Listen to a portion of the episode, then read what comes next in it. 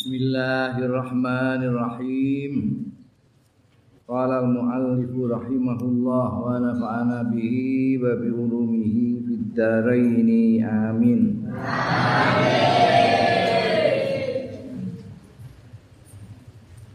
Al-khamisu utawi sing kelima iku tazkiyatun nafs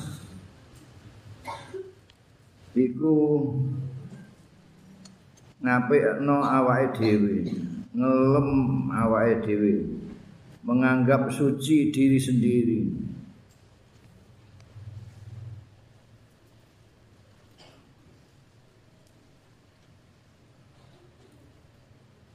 Faqad qala Allah taala.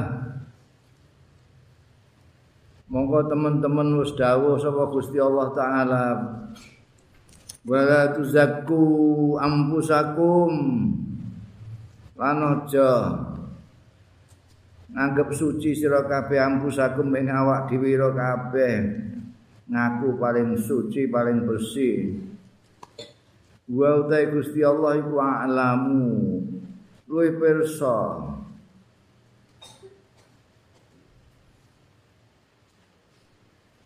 Terus ibu kok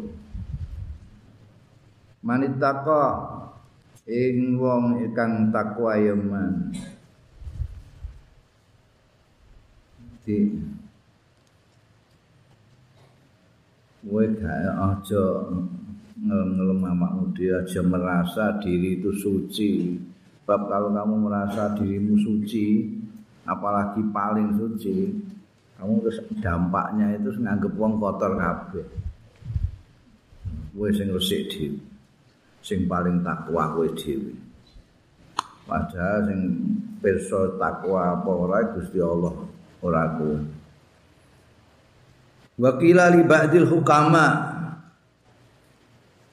diaturake li ba'dil hukama marang sementara ahli-ahli hikmah, orang-orang yang bijak bestari.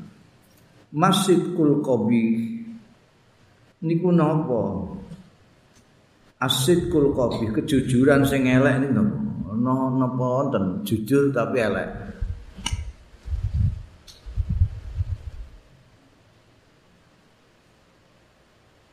Wakola apa wakola? Hmm? Ya? Wakola. Pak keliru wae kok rasane gak enak kabeh. Monggo jawab sapa ba'dul hukum hukama. Masjidku la wa qala la jawab sapa ba'dul hukama. Ana asidkul qabi yaiku sanaul mar'i ngeleme wong ala nafsihi.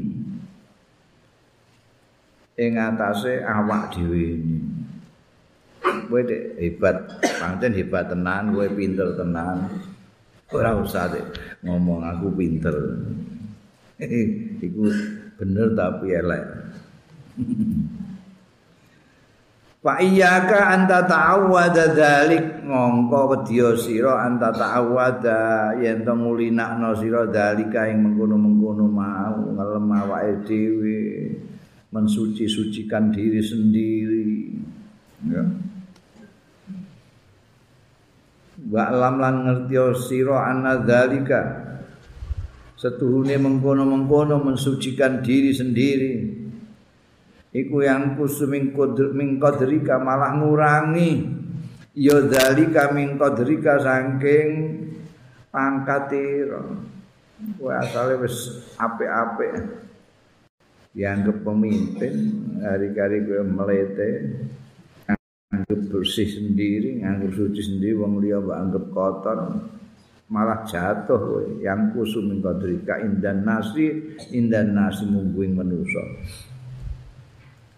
wa yujibu muktak wa yujibulan marahake ya zalik. Muktaka ing benduwira indallahi taala mungguing Gusti Allah taala. Ning wong kowe berkurang Ha? Wong asale ngurmati dadi kurang hormat kepada kamu karena mensucikan diri sendiri dan mungkin Gusti Allah bendu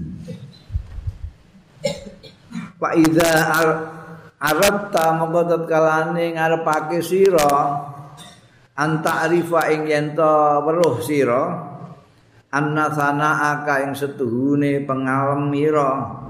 Ala nafsika ing atase awak dhewe ira iklaya zidu fi qadrika. Ora nambahi ngurangi mambahi ta ora. Layazidu ora nambahi ya sana'uka fi qadrika ing dalem. Pohormatanira inda ghairika mungguing liya ira.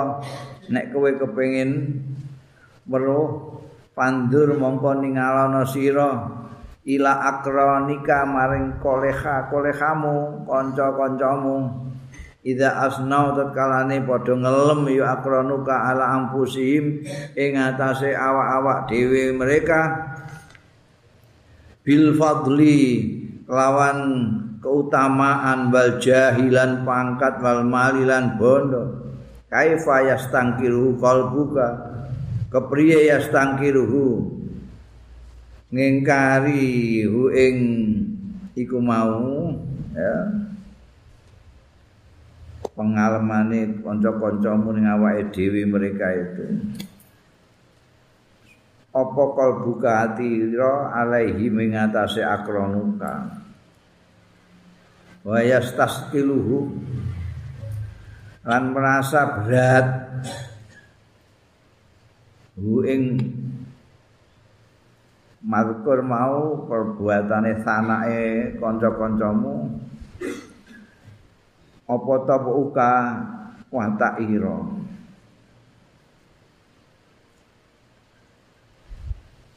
wa kaifalan kepriye tazum tazumhum nyacat sira ing akronika alai ing atase sanauhum ala ampusihim Ida farok tahun tetkalane misai sira hum ing akronika. Pak Lam mongko ngerti sira annahum setuhune akranuka aidon halimane fi kali fi khali tazkiyatika ing dalem keadaan anggon nira nyucekake nafsaka ing awak dhewe ira yadzumunaka. Iku padha nyacat ya akranuka ka ing sira fi qulubihim. Ing dalem ati-atine akronika najizan. Saat hadir pada waktu ini ngomong itu wa sayudhirunahu lan bakal ngetokake ya akronuka Hu ing ora senenge mau tak nyacat.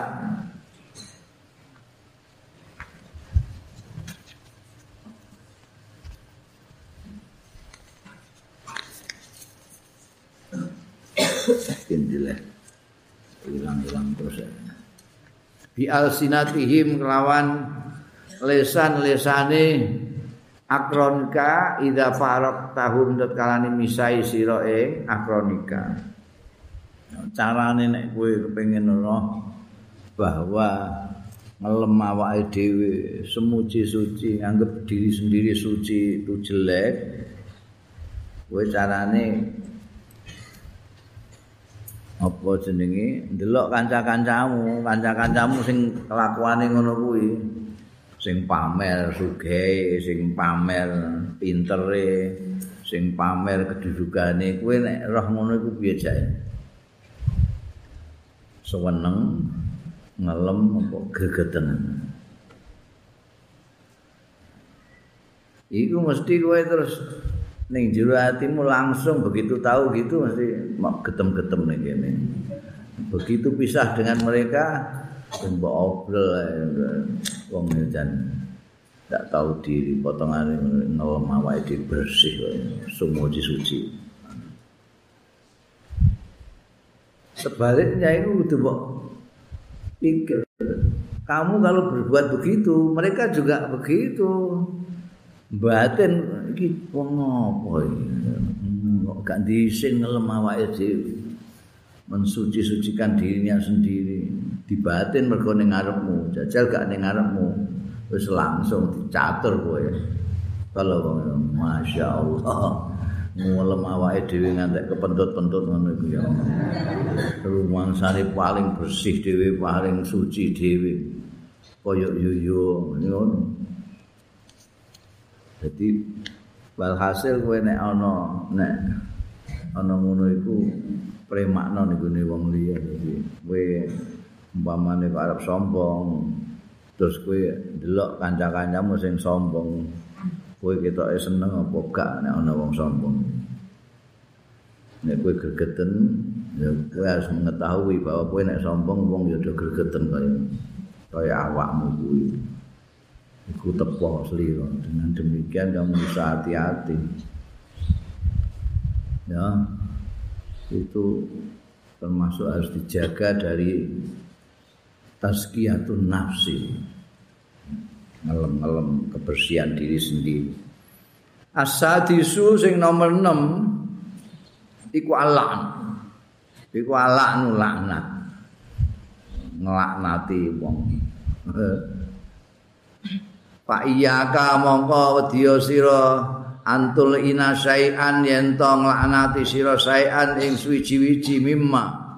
Saking barang khalaqallah sing nitahake sapa Allah Gusti Allah taala. Ayane ma khalaqallah nyatane min hayawanin nyatane kewan auto amin utawa pakanan au insanin utawa manusa. Bi ainihi kelawan awak dhewe ne insan.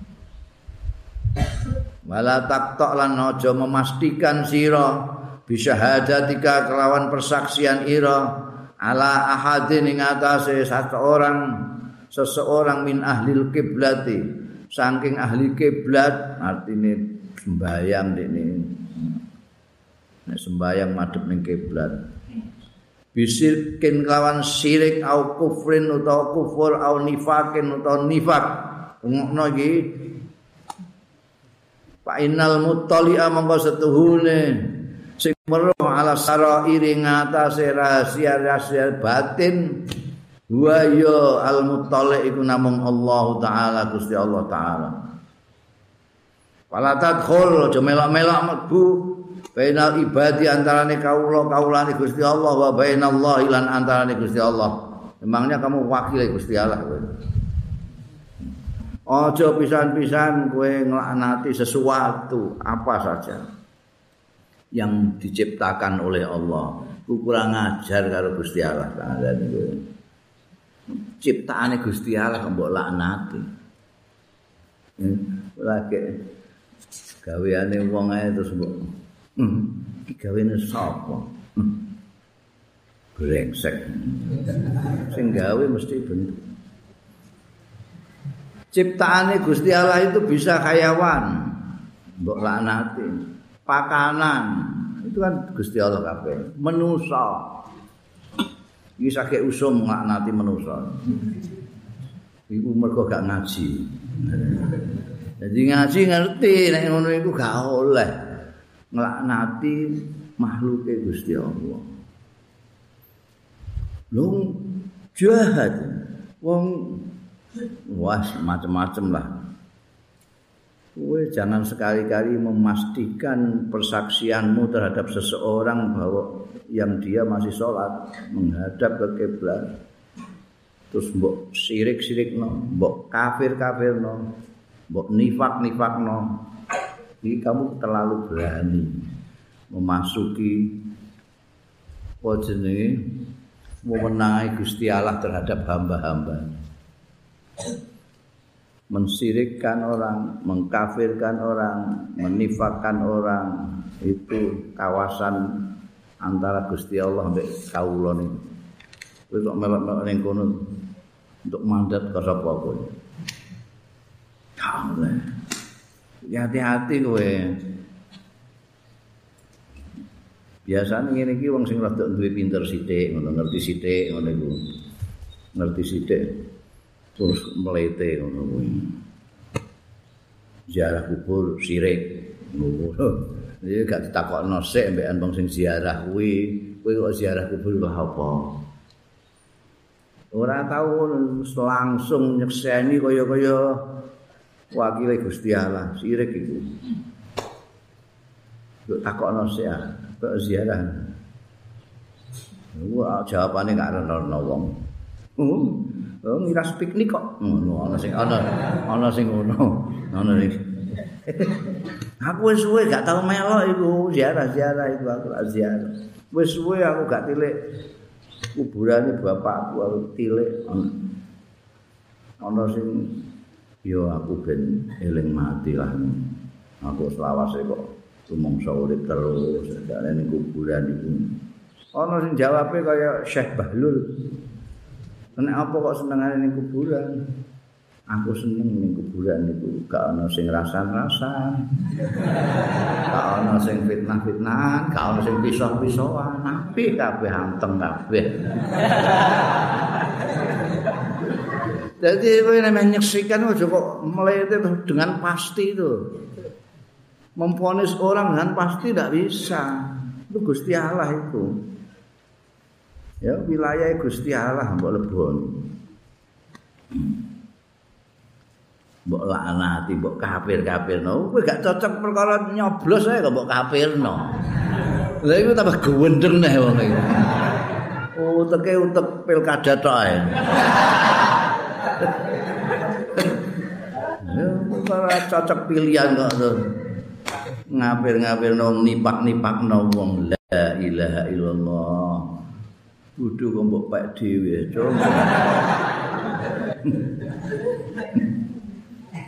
iki lho. Mbak Lam, ngerti ya sira? Ngaji rungokno kupingmu. Annaka setuhune sira, yaumal kiamat ana dina kiamat, la yuqalu ora diucapake laka marang sira, lima lamtul in fulanan. Kena apa kowe kok gak nglanati pulan kena apa? Wong Islam kok gak nglanati wong iki piye? Wong karuan wong jahat ngono kok gak mau laknati kena. Engko gak ana pertanyaan ngono iku gak ana. Ning gune dina kiamat. Rasa kok siapno jawaban. Ora ana pertanyaan iku. Bali masyarakat tangguh kena apa kowe kok menengae?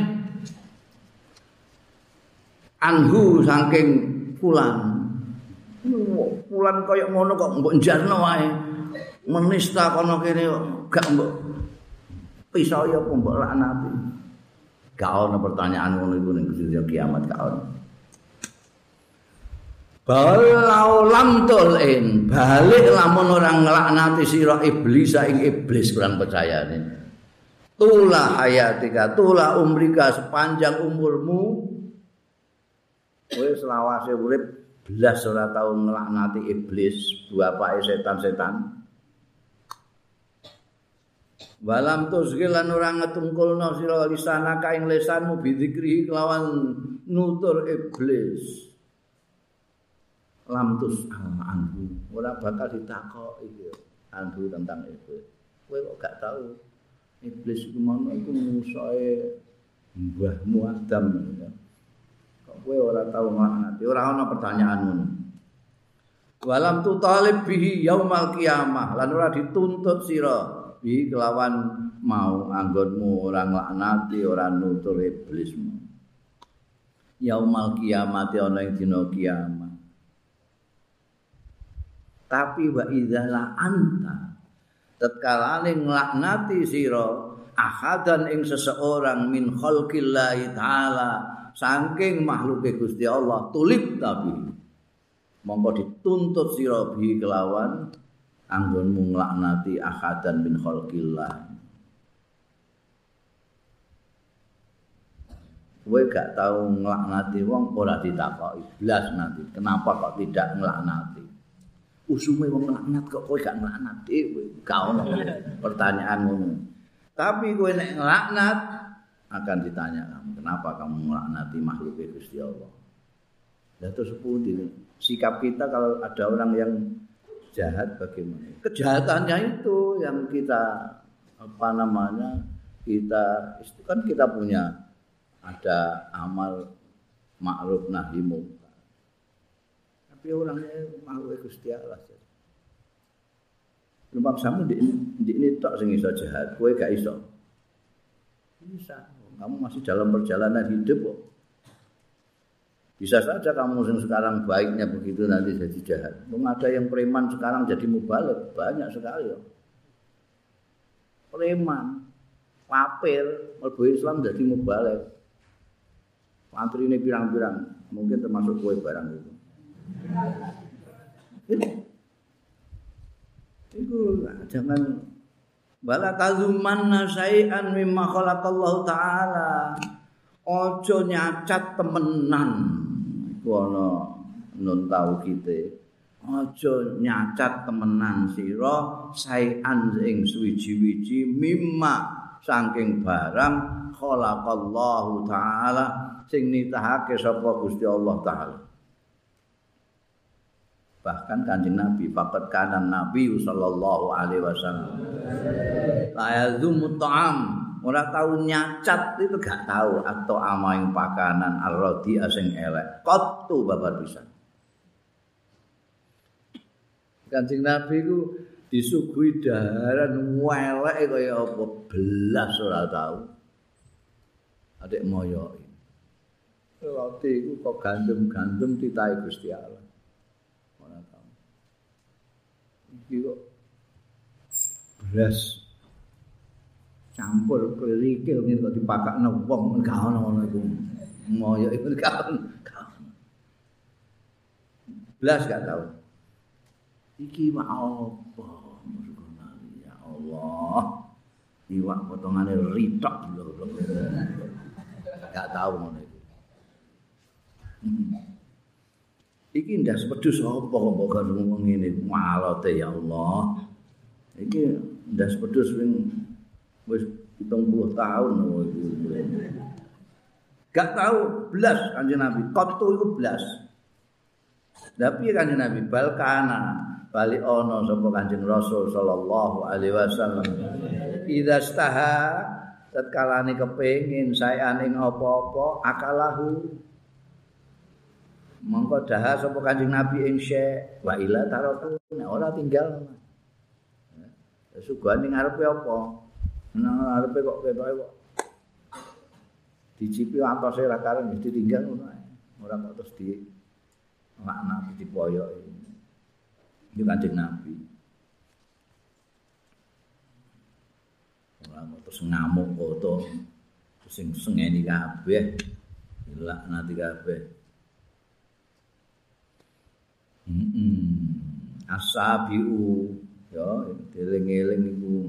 Hati-hati saiki usume wong laknat senengane nglaknati. Ngono puas ngono mbok piye nek nglaknati wong. Mangsane nek iso nglaknati wong terus wong nganggep dikne wong apik dhewe ngono Asabi utawi sing nomor pitu ad-du'a alal khalqi. Perhatikan ad-du'a ala itu ya. Donga iku ana sing ala ana sing nganggo lam ana sing ala. Ana doa alal khalqi ana doa lil khalqi. Wis bolak-balik tak kandakno nek ala itu negatif nek lam positif. Alaya laka. Iku aku sing utang laka aku sing dipiutang nek alaika li kowe sing diutang ning aku. Donga ya gitu. Addu'a li iku artine ndongakno apik. Addu'a ala iki ndongakno elek alias masotno iku gak oleh iki termasuk kudu dijogo. Tangkem kita itu harus dijogo. Nomor pitu addu'a alal khalqi. Ndongakno elek ing atase manusa. Ya iku seneng cek ora seneng aja mbok dongakno. eh, muga tangkep polisi bareng ngono iku donga elek fahfat mongko ngreksa sira lisanaka ing lisanira anid du'ai saking donga ala akadin ndongakno elek ala akadin ing atase wong suwiji min khalqillahi taala saking makhluke Gusti Allah taala wa in zalamaka hmm? Senajan to zalimi wong kuwi wis ya senajan wong iku zalimi kuwe ngani kaya kuwe aja mbok dongakno aja mbok pasot wah kumku sambil gelap ya. Ya ono ya ini nglarakno atiku terus ae kumku nih padha kan kumku dan kaki dicekel KPK ngono barang ora usah. Iku ndonga ngono. Kok senajan kowe didolimi aja ndongakno Datu sepun di Fakil ilallahi. Ya pasrahno ae. Engko pasrahno sira masrah sira amra ing perkarane wong sing zalimi kowe mau ilallahi marang Gusti Allah taala. Aja aja kowe sing njaluk sambil gelap sak piturute wis ben aku dizalimi wis aku. Wis Gusti Allah peso dhewe. Ngono Fafil hadis mongko iku kesebut ana ing suwijining hadis. Innal mazluma setude wong sing terdalimi layat uyur tindungakno ya zalim ala zalimihi ndungakno elek ing atase sing zalimi mazlum hatta yukafu sehingga membalaskan ya. Jadi bu lah. Bu yukafe itu. Yukafe itu. Eh ini didolimi terus iki saiki sing didolimi untuk balasan mergo ndonga niku Gusti Allah. Gusti kula didolimi imang yuta terus dongakno kono ya rugi limang yuta Sumayam qali dzalimi fadlun mongko keri-keri tetep lidzalimi kedua sing zalim apa fadlun kelebihan keutamaan indahu.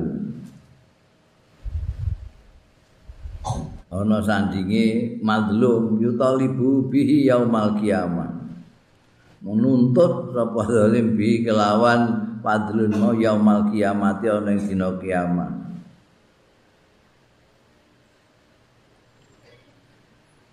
jadi kowe dizalimi wong terus kowe ndonga mbok pasot. Wis dipasot ngene. Wis dipasot no. turah ini saya duwe kowe saya duwe keapian niku nek nanti dituntut. Kan minggu ini akhirat itu hitung-hitungan jenenge hisap itu hitung-hitungan. Dihitung apikmu sepira ning wong elekmu sepira dihitung kowe ndongakno elek wong wis dibukno ngene kowe isih duwe tanggungan bedene semene Muga ndekne ya nuntut. Kula pun pasotno nggih pun muandi tenan kula kelengker saestu. Niki ki ambake kudu dienggo. Hati-hati kowe.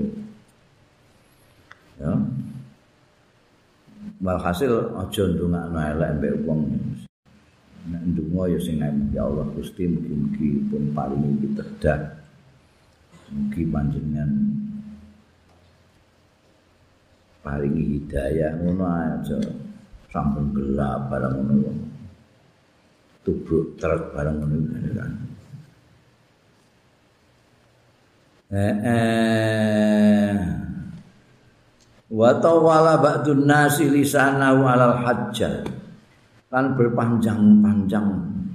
Sapa ba'dun nasi sebagian manusa ndawak-ndawakno lisanahu ing lisane iku artine wah ngerembuk eleke.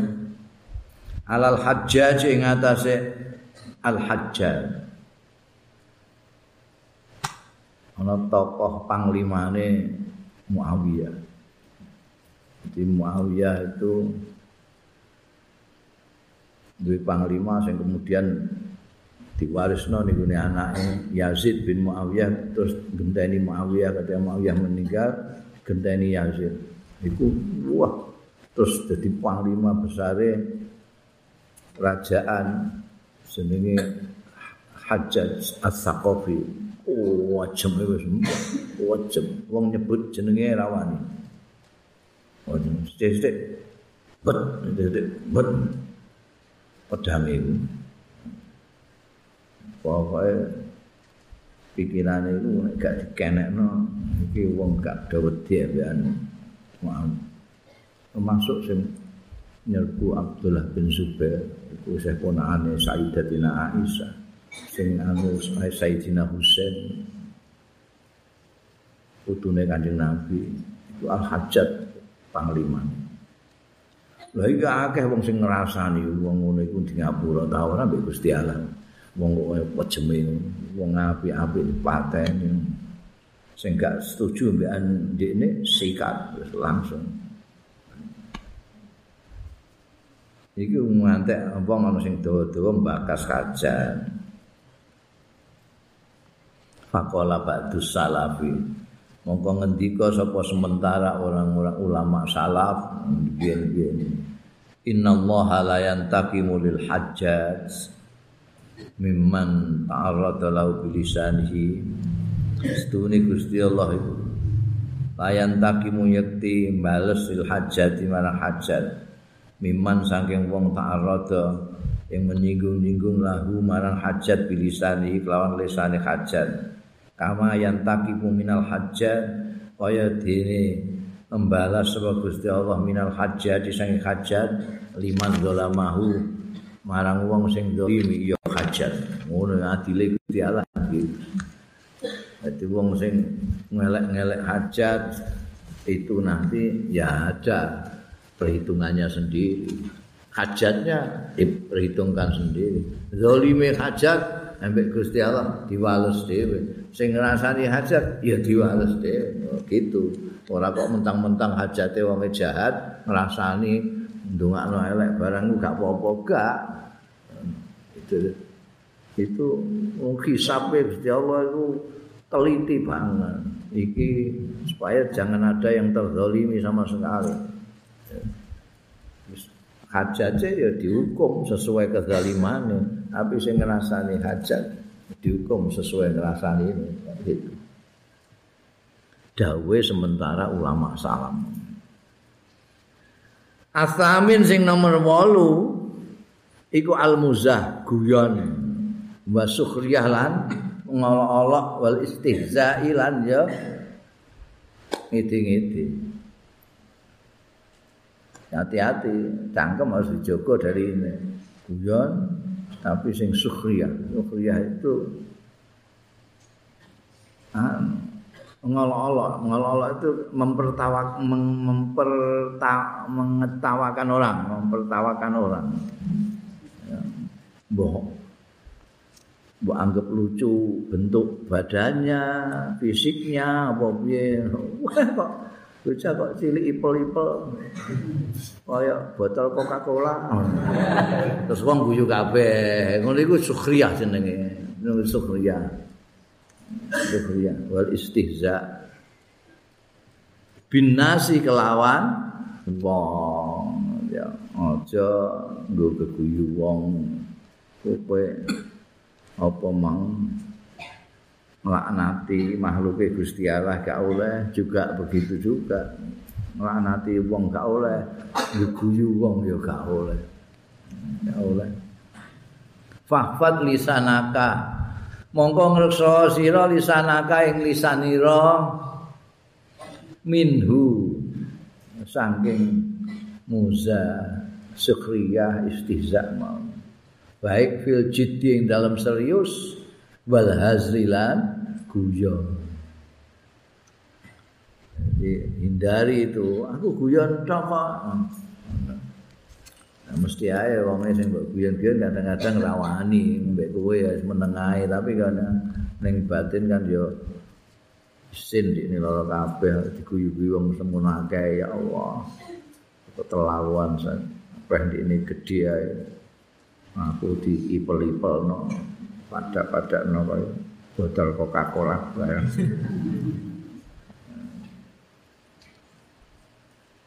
Ojo, jadi jogo lesanmu dari begitu meskipun kamu sedang serius ataupun sedang guyon, tidak boleh memperolok-olok orang itu.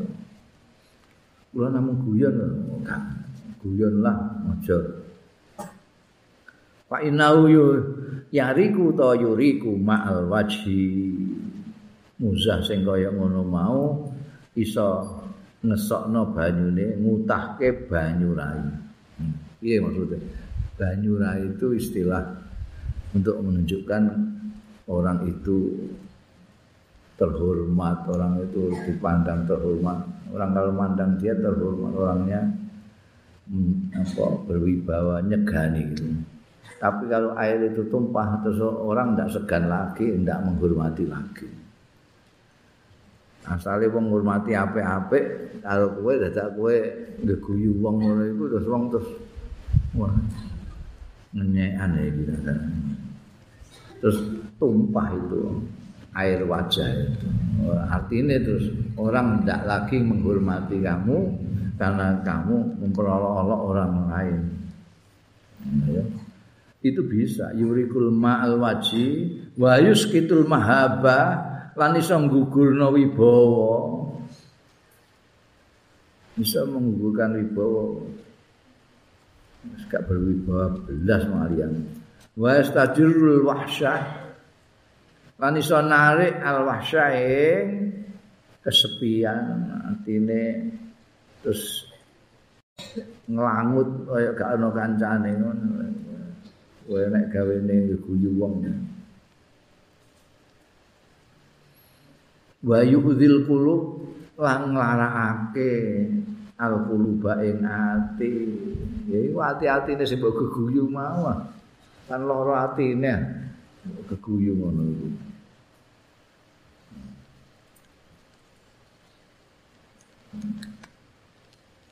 pidato keliru mbok tiru-tirutno ben diguyu kancane ngono iku kan jadi ini gak enak kabeh.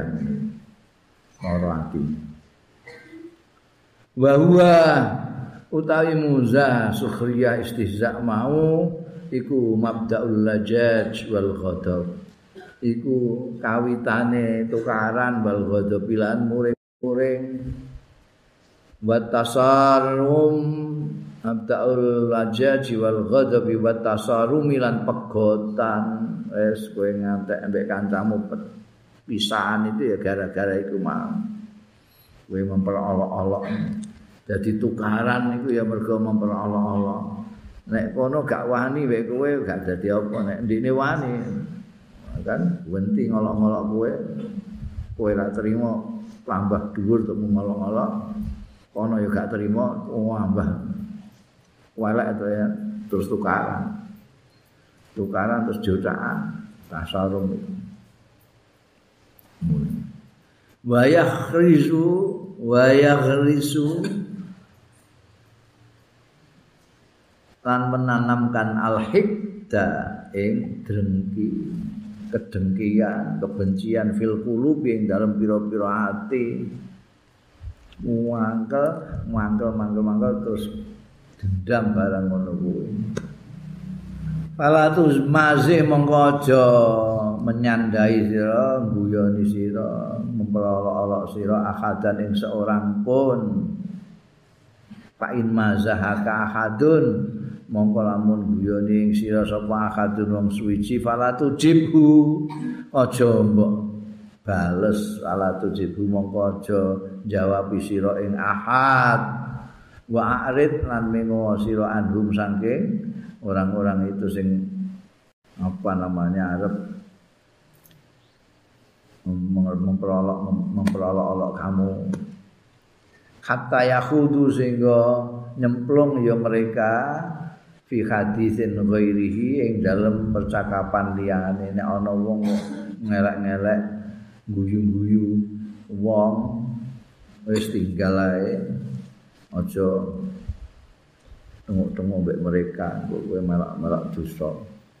Wis tinggalno saja. Sampai mereka sudah ganti pembicaraan. Ya pembicaraan wis ora ngolok-ngolok wong kowe arep tengok-tengok neh bareng mereka ndak apa-apa. Selagi mereka mem mempertawakan orang lain kowe ora usah melok-melok Wa kun minal ladzina idza marru bil lagwi marru kirama. Wa kun lan ana sira minal ladzina termasuk wong-wong idza marru tatkalane liwat bil lagwi kelawan lelahan. Lelahan itu sesuatu yang tidak ada gunanya. Yaiku mau geguyu wong ngenyeki wong itu lahu kowe nek liwat jadilah kamu orang-orang yang idza maru billahwi maru liwat ya alladzina kiraman sebagai orang-orang yang mulia. Artinya piye? Kowe nek pancen liwat ning ngene kono kok aja liwat terus melok-melok geguyu wong melok-melok terlibat tapi yang gagah yang lewat dengan gagah itu piye yo ngandani ya ngandani. Aja ngeguyu wong cah sake sake leren leren. Iku malu kowe liwat kiroman iku nek kowe liwat ambekan keplok-keplok. Terus no kang. Pancene lucu kok cah iku oh ya iku ora kiroman Eh, eh bahadi mongko utawi iki kumajami afatil lisan kumpulane bahaya-bahayane lisan. Wala yu'inu kalan ora iso mbantu ing sira alaihi ing atase lisan. Artine jaga lisanmu dengan bahaya yang sekian banyaknya itu. Ora iso nulungi awakmu sapa ilal uzlah kejaba mencil. Uzlah iku dhewe aja kumpul wong nek kumpul wong nek gak jak ngrasani dijak ngeguyu wong ndak ngolok-olok wong dijak nglangati wong dijak misai wong dijak wis lesanmu katut kabeh. Ya piye? Wis kono munggah gunung mencil ning dhuwur gunung ngono iku kowe lesanmu kayak sapa-apa au mulazamatu sumti nek ora ya netepi meneng. Illa bi qadri darurati kejaba kelawan seukur darurat. Nek kowe gak gelem ning dhuwur gunung usah zaman kaya ngene kok ning dhuwur gunung. Iku nah akeh gunung bledos saka kebledosan malah Tapi ya wis netepi meneng ae meneng. Nek ora perlu ya usah ngomong. Nek perlu-perlu tok ae. Itu pilihannya cuma dua. Nek mbok turuti wah lesan itu kudune melok-melok apa sing dilihat oleh mata Fakat kana Abu Bakar ini Siddiq mongko teman-teman ono sapa sahabat Abu Bakar As-Siddiq radhiyallahu taala anhu yadau meletakkan ya Abu Bakar Siddiq hajaran ing watu fi fihi ing dalam tutuke sahabat Abu Bakar. Sahabat Abu Bakar duwe kebiasaan ngemut watu. Nah, untuk apa itu? Liyamna'ahu supaya nyegah ya watu mau hajaran hu ing sahabat Abu Bakar nyegah dalika ing mengkono-mengkono mong kosong lelahan sak untuk menjaga lisan. Minal kalami saing guneman biwairu daruratin kelawan tanpa darurat. Ngantek semono tuh hati-hati ini sahabat Abu Bakar itu. Ngemut. Waktu ben ora ngomong kok kadang-kadang bedal. Lidah iki gak karepe. Nek kowe ngemut watu kowe ngomong keloloten watu kowe. Ya itu tekniknya sahabat Abu Bakar Siddiq. Watu sih mut. Ini gak penting nek penting ya dibuka apa penting? Sing perlu-perlu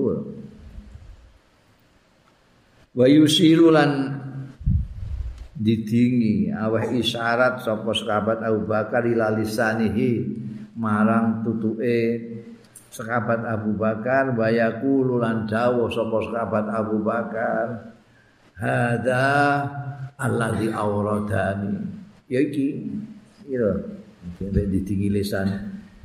Hada iki iku alladzi auradanil mawarid. Sing nekakno ya lari ingsun hal mawarida ing panggonan-panggonan nekake wah tekane iku ning neraka apa ning swarga? Iku iki sing marak nerana itu marak nerana rene ning panggonan-panggonan niku. Iki lesan iki.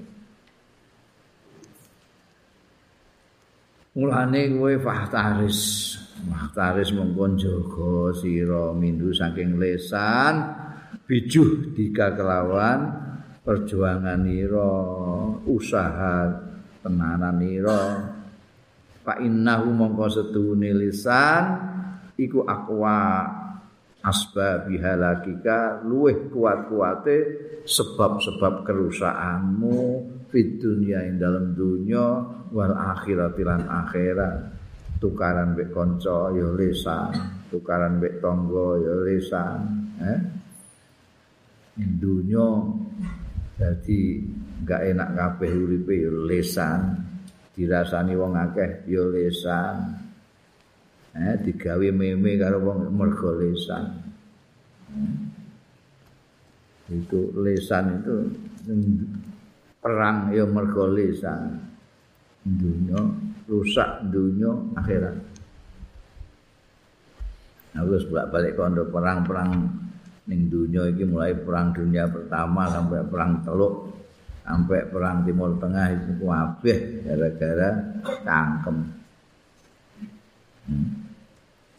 Wekir Jakarta ya gara-gara cangkem, lesan. Eh, kan lesan kabeh ya. Jadi bener banget itu. Paling kuat asbabu halak. Amal batnu wa amal batnu ana dene weteng. Fahfathu mongko ngreksa sira hu ing baten mintana wulil harami saking mangan sing haram. Itu tadi kalau lesan supaya kamu jaga dari delapan hal tadi yang bisa menghancurkan dirimu itu. Kalau perut jagalah mintana wulil haram saking mendapatkan yang haram. Wasubhatilan subhat. Bedanya apa haram karo subhat? Nek al haram bayinun. Padha karo al halal bayinun. Iki sing subhat iku bainal haram wal halal. Itu subhat. Iki haram apa halal? Iku subhat. Itu lebih baik kamu jauhi juga. Jangan hanya yang haram saja tapi yang subhat itu. Yang tidak jelas halal haramnya juga harus kamu hindarkan. Jangan masuk perut kamu. Bahaya. Wahris ala tolabil halal. Dan lobo si lobo itu berusaha keras. Ala tolabil halal yang atasnya golek halal cari dengan cara bagaimana supaya kamu bisa mendapatkan yang halal. Ya. ning pasar dagang ning laut menyang oleh iwa. Hari ndak usah apa sing haram-haram lah wong sing halal pirang-pirang oleh tak golek sing halal hari yang haram halal saja Pak Ida wajah tahu mongko tatkala nemu sira ing halal fakhrus. Mongko lobo sira berusaha keras sira ala antak tasira minhu. Yento nyukupake sira minhu saking halal mau. Ala maduna syabi ing atase barang kang sak ngisore wareg. Wis entuk sing halal iku aja mbok pangan kabeh. Batasnya itu sebelum kenyang berhenti di, di bawah kenyang. Ojo mentang-mentang halal terus wantem kabeh. Masya Allah sak wakul mbok entekno. Niki wak sak wakul niki halal sedaya kok. Mboten ana sing haram blas campuran haram mboten nonton. Lha terus iku niki telo nggih halal niki. Iki roti niku nggih halal. Niki kolak niki nggih halal. Ibu entekno kabeh nggih wong halal kabeh mawon. Hmm.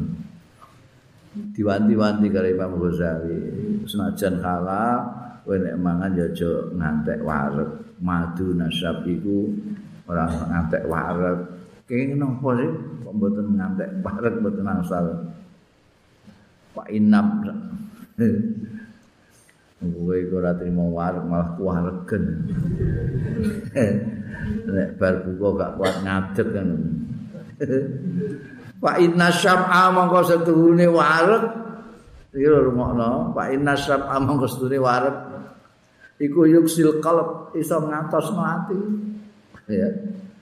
Tos atine nek kowe waregen terus iku. Wa yusbidul dhihna lan iso ngrukak ngrusak pikiran Misalnya cerdas terus jadi ra cerdas untuk wargen. Wa yubtilul hifz lan iso badalno ingatan. Lalinan kula ya kowe kagen mangan. Wa yuskilul a'dha anil ibadah. Lan ngebot-ngeboti gauta badan anil ibadah itu saking ibadah. Kowe nek keluarga rasa-rasa ini buku ibadah rasa-rasa ibadah utawa wal ilmi anil ibadati wal ilmi Ojak ngaji ya abot, ojak ibadah ya abot. Wa yuqawi lan nguati apa warek asyahawat ing syahwat-syahwat. Eh, Umang kamu nek mbok pakani akeh terus kowe terus gak kepengin apa-apa, kowe tambah kepengin.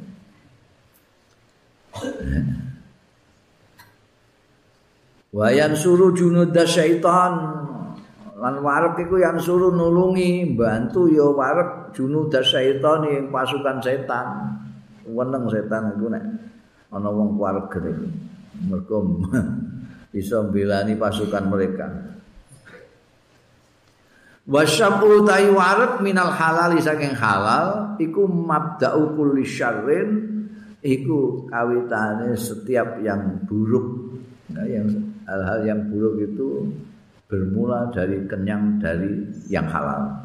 Kayak kowe sing mbok pangan iku halal kabeh. Pakai wa minal haram monggo kepriye minal haram saking haram. Nek sing halal iku marakno elek, ya apa meneh sing haram.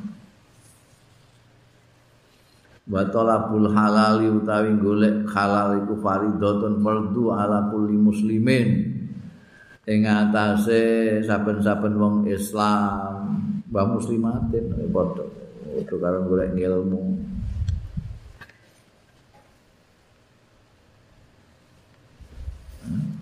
wal ibadatu ta ibadah wal ilmu lan ngaji golek ilmu ma'aklil haram sartane mangan sing haram iku kalbina kaya mbangun ala serjine ngatasé pluruan pondasine kok kluruan bar ngono ae.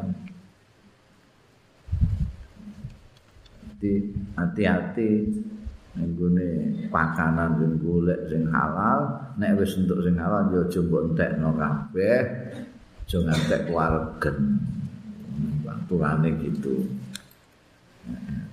Mergo waregen ana bahayane dhewe apa meneh?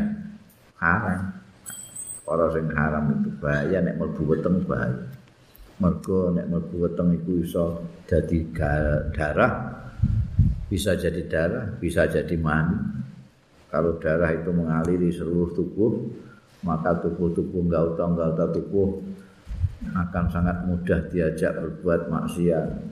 Karena apa? Itu pun bahan bakunya darah itu dari yang haram. Kalau jadi mani itu wah, lebih bahaya lagi. Datik no anak anak itu gak karuan dulungannya Mane wong biyen-biyen iku beda-bedakno itu. Ini kanggo mlebu weteng iki kanggo tuku sandal iki kanggo tuku keset. Iku ana dhewe. Kira-kira kok haram utawa subhat lah sing akeh subhat. Gak gak jelas halal harame timbangane ragu-ragu tukokno keset tukokno kertas. Eh? Bisa ngono-ngono aja mbok tukokno gedang goreng. Mbok buat tembok Eh, fa idza qanata fis sanati tetkalane kowe gelem nrimo kowe gelem nrimo fis sanati ing dalam setahun bi komisin khashin kelawan klambi sing kasar-kasaran ngono ya aja sing alus kaya klambiku ngene iki. Sing kasar sing kasar. Drill apa-apa jenenge? Sing kasar iku apa kaya sing kaya glangse apa. Dia nono apa pakaian sing kasar itu apa? Apa jenenge ana biyen istilahnya lambi apa lambi kaine lho kain. Mekawe mekawe apa sing kasar nek kowe gelem nimo setahun itu pakaiane siji sing kasar wa fil yaumi wal lailati lan ing dalem sedina lan sewengi kowe nrimo biro ini kelawan roti loro minal khiskal saking dandum sing elek. Aja sing larang-larang sing elek. Wa tarok talan tinggal sira at-taladzuda ing menikmati nikmat-nikmatan bi udmi lawan luwih enak enake lawuh lam yu'awizuka lam yu'awizka minal halal mayakfika maka orang ngalang-alang yang sira minal halal saking sing halal ah, barang yang yakfika ya. Hmm? mayakfika barang kang nyukupi ya maing sira. Jadi nek menghindari sing sing haram, kepengin halal itu carane ya kowe kudu neriman. Nek neriman ngono iku gampang gampang terhindar dari yang haram. Jadi neriman itu piye ya kowe rasa kepengin nganggo lambi wol gabardin, oh, apa nganggo lambi sing alus-alus sutra dewangga barang iku ora usah. Blaco. Blaco. Kowe harus lambi blaco ae. Setahun wis lambimu iku ae. Blaco iku umbah-umbahane gampang kering-kering itu. Eh, blaco iku mbok umbah sediluk wis garing. Kok nek bar mbok nggo umbah garing gune setahun cukup iku kowe mesti ora kepengin sing haram. Kowe iso betah ngono kuwi. Pakaian cukup begitu, sehari semalam cukup roti gandum elek itu. Loro ngono ae. Esok siji, bengi siji. Wes nek kowe gelem ngono, ora kepengin enak-enakan, selamat kowe saka haram. Sing manakno wong golek haram itu Wah, pakaian kudu ganti, ono pakaian pagi, pakaian siang, pakaian sore, pakaian resepsi, pakaian arisan, pakaian wah, pakaian ini oh. Lemari nanti pitulah suka sedeng kabeh. Pakaian itu. Iku. Nah, iku nek penghasilannya ora cukup kan ya terus golek sing pakanan ya ngono. Terus apa? Segale iku gak gelem sego sing berase krosok njaluki raja lele di blender ngono niku lawe kudu reno-reno ono cumine ono iwake ono iwake wedhus ono iwake ayam segala macam. Nek penghasilannya gak cukup ayo ya, nyelindut nyelindut korupsi barang. Sing haram barang itu semua dan nek kue terima ini eh? Yo iming-imingi wong ya wis ora. Wis aku wis terima iki warek aku. Eh. Ora nganggo apa-apa ya ora nganggo apa-apa jute ya kuat ngene kok. Hmm. gak kepengin lawuh apa-apa belas ah gak. Ya wis kepenak kowe. Menghindari haram. Wal halalu kathirun wal halalu ta sing halal iku kathirun akeh. Walai salai kalan ora ono alai kae ngatasé sira apa anta tayakkon yen to ngiyakini sira biwa bawatinal mun ing jeroan-jeroane pira-pira perkara bal alai kabare wajib ing ngatasé sira. Antah tariza yen to menghindari sira mimma saking barang tak lamu sing yakin sira annau setuhune ma iku haramun haram. Au tadunna utawa menduga sira annau setuhune ma iku haramun haram. Donan kelawan penyono hasola kang hasil ya don min alamatin najizatin saking alamat sing lahir makrunatin sing dibarengi bil mali kelawan bondo. Jadi kita itu mencari yang halal itu yang ketok-ketok saja. Yang halal itu akeh kok, akeh golek. Mbok goleki sing halal ambek sing haram iku banget akeh sing halal. Itulah itu sing halal itu Wong segala yang tidak diharamkan itu halal. Ya mesti akeh sing halal. Ya sing halal, ambek sing haram. Hmm. Mulane rada lucu ku MUI nggawe label halal itu. Itu golek penggawean itu. Mesti ini label haram. Jadi ora kakean penggawean. Sing gak ono label berarti halal. Enak.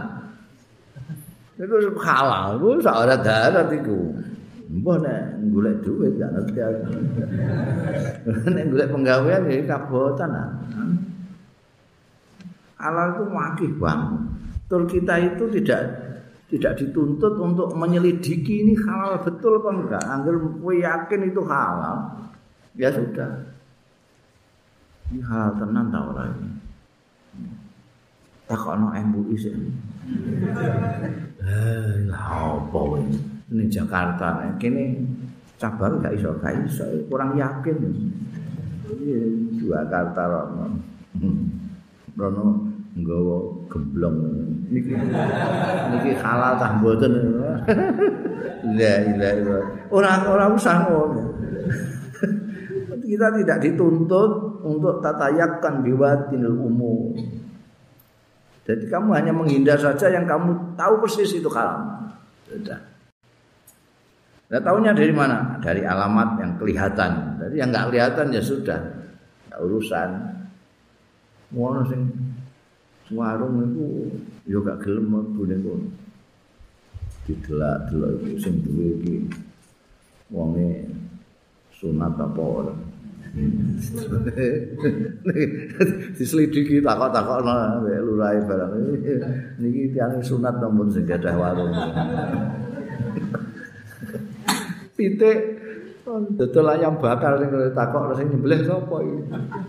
Eh engko dan sembarangan nyembelih iki mulai ning ngene gringsing ngono iki ana warung tulis gede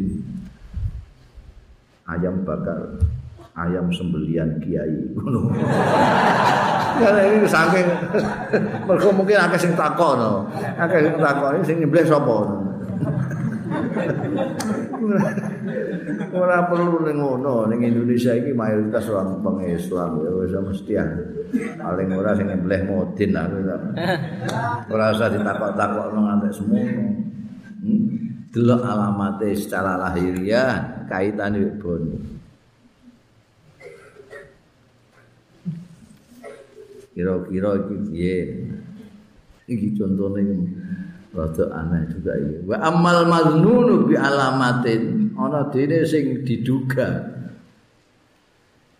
Diduga ana harame utawa subat.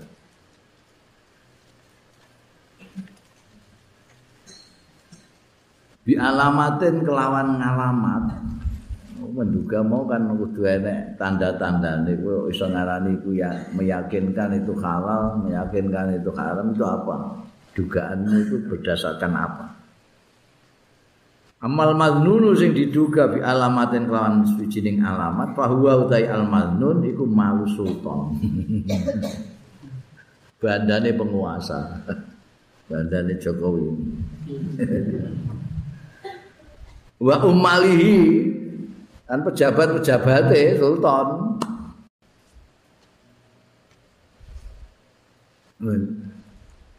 Bandane menteri. bandane gubernur. Andane bupati. Andane penguasa lah kabeh itu bandane mbok juga dengan alamat-alamat. Ya kira hasil korupsi apa ora? Wa maluman lan bandane wong lakas balahu sing ora ndi penggawean iku maujud lahu kedeman ilaminan niyahati kejaba saking niyahah ning nyakah iku ning kene gak ono. Ana iki bondone wong sing penggaweane mok niyakah tok, gak ono liyane. Niyakah iku ning kene gak ono, gak tau tuman. Mbon ning luar Jawa ya. Tak temanku ning Jawa. Niyakah itu penggawean nangis. Nek ana wong kepaten terus diundang, ana beberapa orang perempuan grup niyakah itu.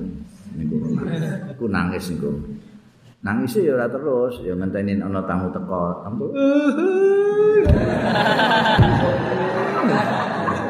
Kadang-kadang mbek duit-duit Allah kehilangan betul mas kok sampai mati tuh gimana Nah, tamu ini semua ya wes ngobrol ngopi-ngopi nih ngono tamu teko nih iku niaka. Ini kene kita ono. Ya ini luar ya. Ini Arab itu lucu. Jadi nek ora nek ora apa jenenge ngongkosi wong wedok-wedok sing nangis iku gengsi wong iki. Iki mati kok dinjarno gak sing nangis belas iki. Berarti wong iki wong elek iki. Mati kok gak ono sing nangis Tapi nek wong aku wong nangis nangis ya Allah iki wong apik tenan iki. Orang semonake merasa kehilangan nangisi terus. Padahal itu nyewa. nyewa tukang nangis jenenge ya. Lah iki bandane wong sing nyambut gawe ini mau ngono tok piye Dia gak nyambut gawe ya, ya dia ya nangis nangis ngono iki. Iki termasuk malu sultan mau sama. Jadi yang harus diduga diduga au ba'il khamri utawa adol khamr adol minuman keras dia tidak punya penggawean kecuali dodol minuman keras itu kan alamat. Bisa diduga bandane ini haram. Awi riba utawa riba ini rentenir wong satu kan bayar satu second awil mazamir utawa adol mazamir. Adol suling alat-alat musik meniku wa ghairi dzalika lan liyane mengkono-mengkono mau min alatil lahwi saking alat-alat lelahan al muharramati sing diharamake.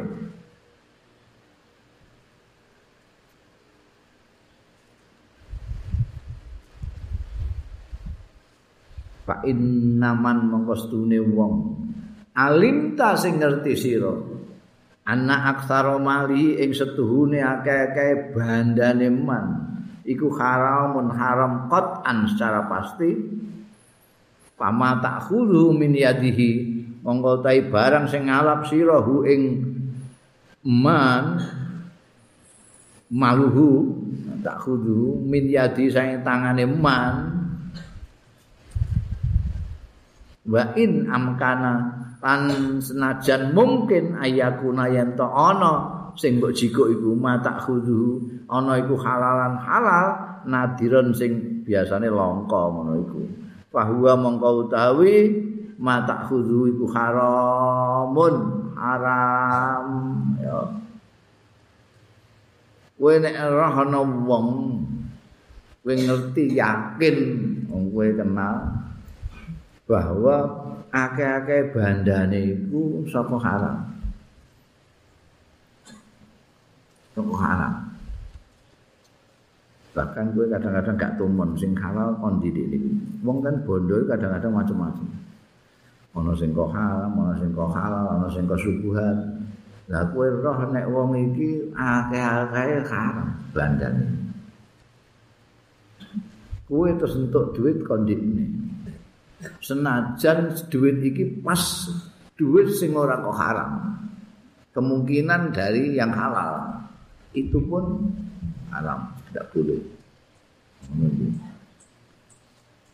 Fi annahul ghalib alasane karena setuhune mata khudu iku al ghalib. Ala dhanni sing lindih ala dhanni ing atase penyono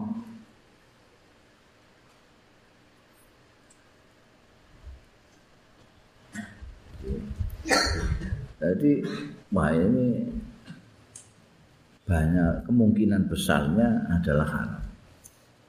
Meskipun tidak Wong itu kan nggak mesti penghasilannya haram toh. Dia jual arak misalnya minuman, tapi dia apa namanya ya, dodol gorengan barang sing halal. Kan bisa saja uang itu dari gorengan, bisa dari minuman keras. Kue dapat duit yang dari gorengan sekalipun, karena yang terbanyak itu dia jual penghasilannya itu kebanyakan dari minuman keras. Ya kue gak oleh. Ya.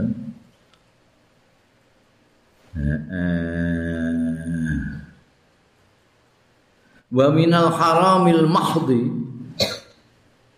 lan termasuk haram murni wis ora ana subhate wis haram haram iku ana sing murni halal ana sing murni nek kowe nandur-nandur dhewe apa sini sing mbok pangan iku pari mbok tandur dhewe lombok mbok tandur dhewe benihnya juga mbok tuku dengan halal segala macam terus mbok pangan-pangan dhewe iku halal murni hasil.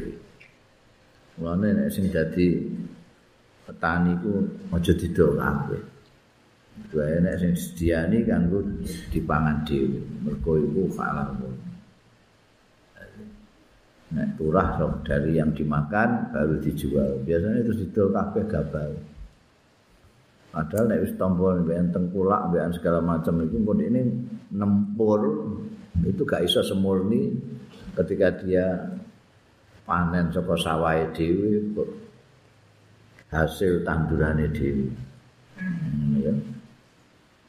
Haram mahdi di antarane mayu kalau minal auqaf. Masyaallah naudzubillah min utawi barang yuk kalu kang dipangan ya ma minal auqafi saking wakaf wakaf. Min ghairi sartil waqifi saking liyane syarate wakif.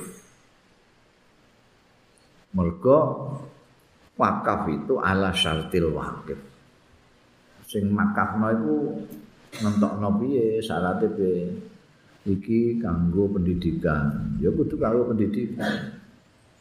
Lah ana wong ora bekerja ning pendidikan ra apa mangan kuwi tidak termasuk syaratul wakil haram murni haram. Hati iki kanggo masjid. Eh, duit kanggo masjid kanggo masjid kabeh kecuali wakife syarat ambean sing ngurusi masjid misalnya itu bisa tapi nek ora Tidak bisa. Paman lam yastaghil bitafaqquh. Mongko supane wong lam yastaghil sing ora ketungkul ya man bitafaqquhi kelawan pendidikan, pengajaran agama tafaqquh itu. Pama yakhudhu minal madaris mongko utawi barang sing ngalap ya manhu ing ma. Minal madari si saking madrasah-madrasah haram. Iku haram. Ini orang ngurusi belas orang ngurusi pendidikan pengajaran ra apa ini melok-melok mangan duit madrasah haram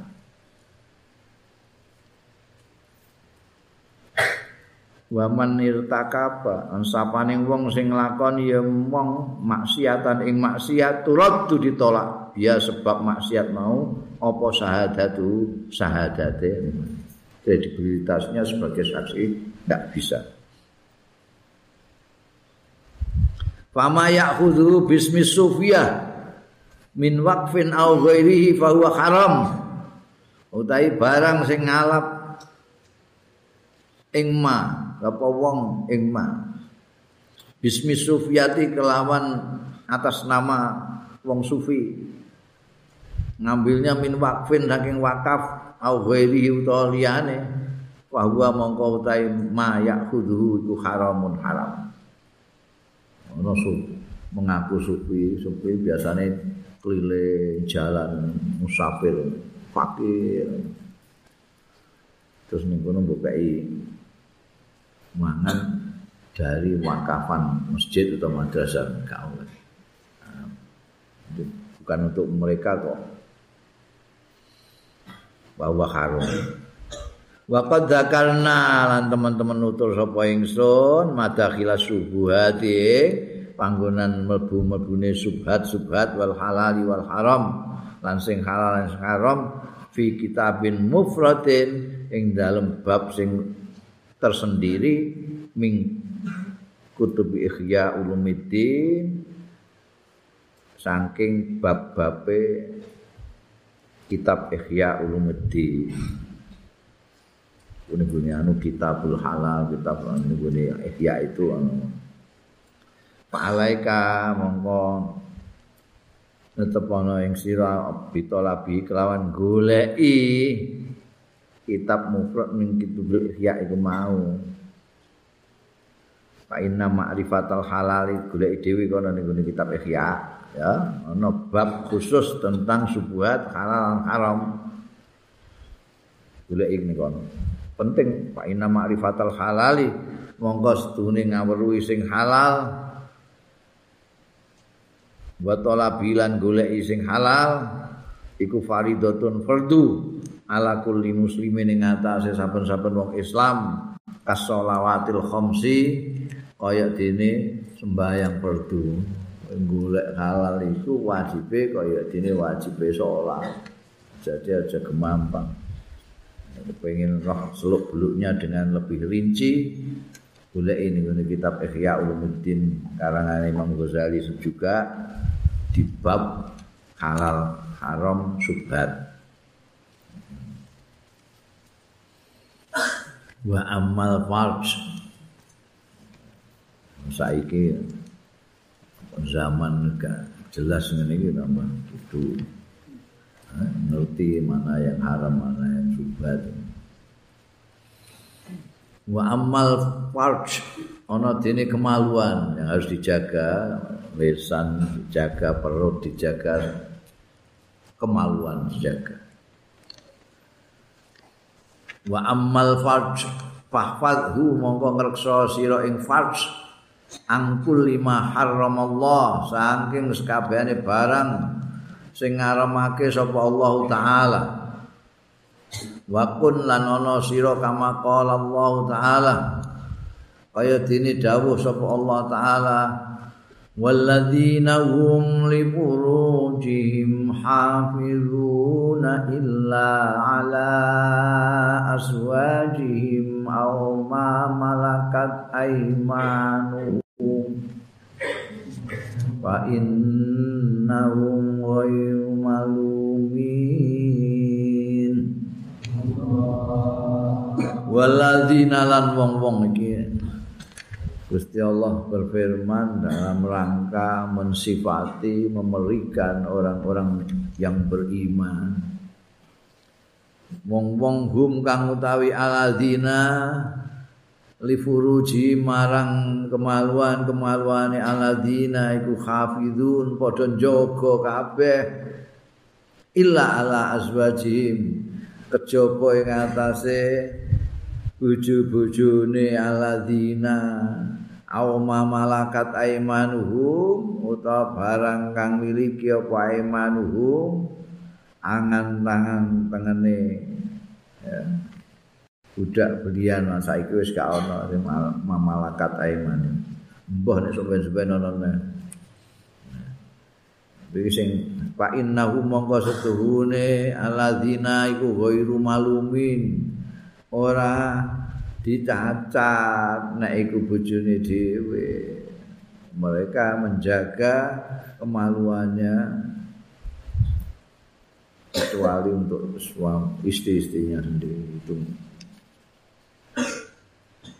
Eh, wala tasilulan ora tumeka sira ila hifdzil farj.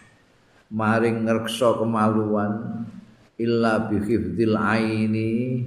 Kejaba kelawan ngreksa mripat anin nazari saking ningali.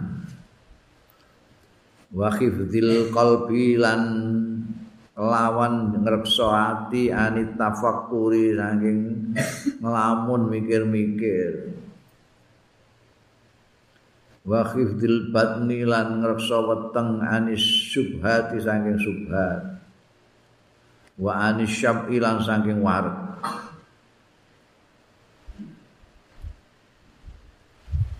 fa inna hadhi mongkostune iki kabeh iku muharrikatus syahwati sing gerak-gerakake syahwat.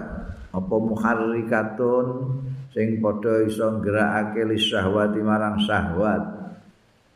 Wa magharisiha lan dampak-dampake syahwat asal usule syah magoris itu eh, akar-akarnya syahwat Wen nek arep ngreksa kemaluan harus ngreksa mripat.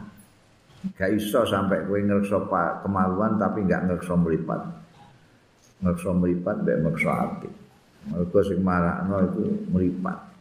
Meripat roh sesuatu terus pikiranmu terus kepengin terus itu apa meneh kowe kuwaregen syahwatmu terus tambah antar-kantar itu ya. Itu jalan semuanya itu yang menyebabkan orang terprosok kepada dalam melecehkan kemaluannya sendiri. Jadi nek kepengin jogo paling ya jaga mripatmu. Jaga mripatmu untuk tidak melihat yang bukan-bukan. Jaga hatimu supaya kowe ngelamun sing ora-ora. Jaga wetengmu aja ngantek mangan sing subat. Muga mangan subat itu membantu. Bantu syahwat Marek barang pembantu syahwat untuk menggerakkan syahwat melakukan hal-hal yang bisa merusak kemaluan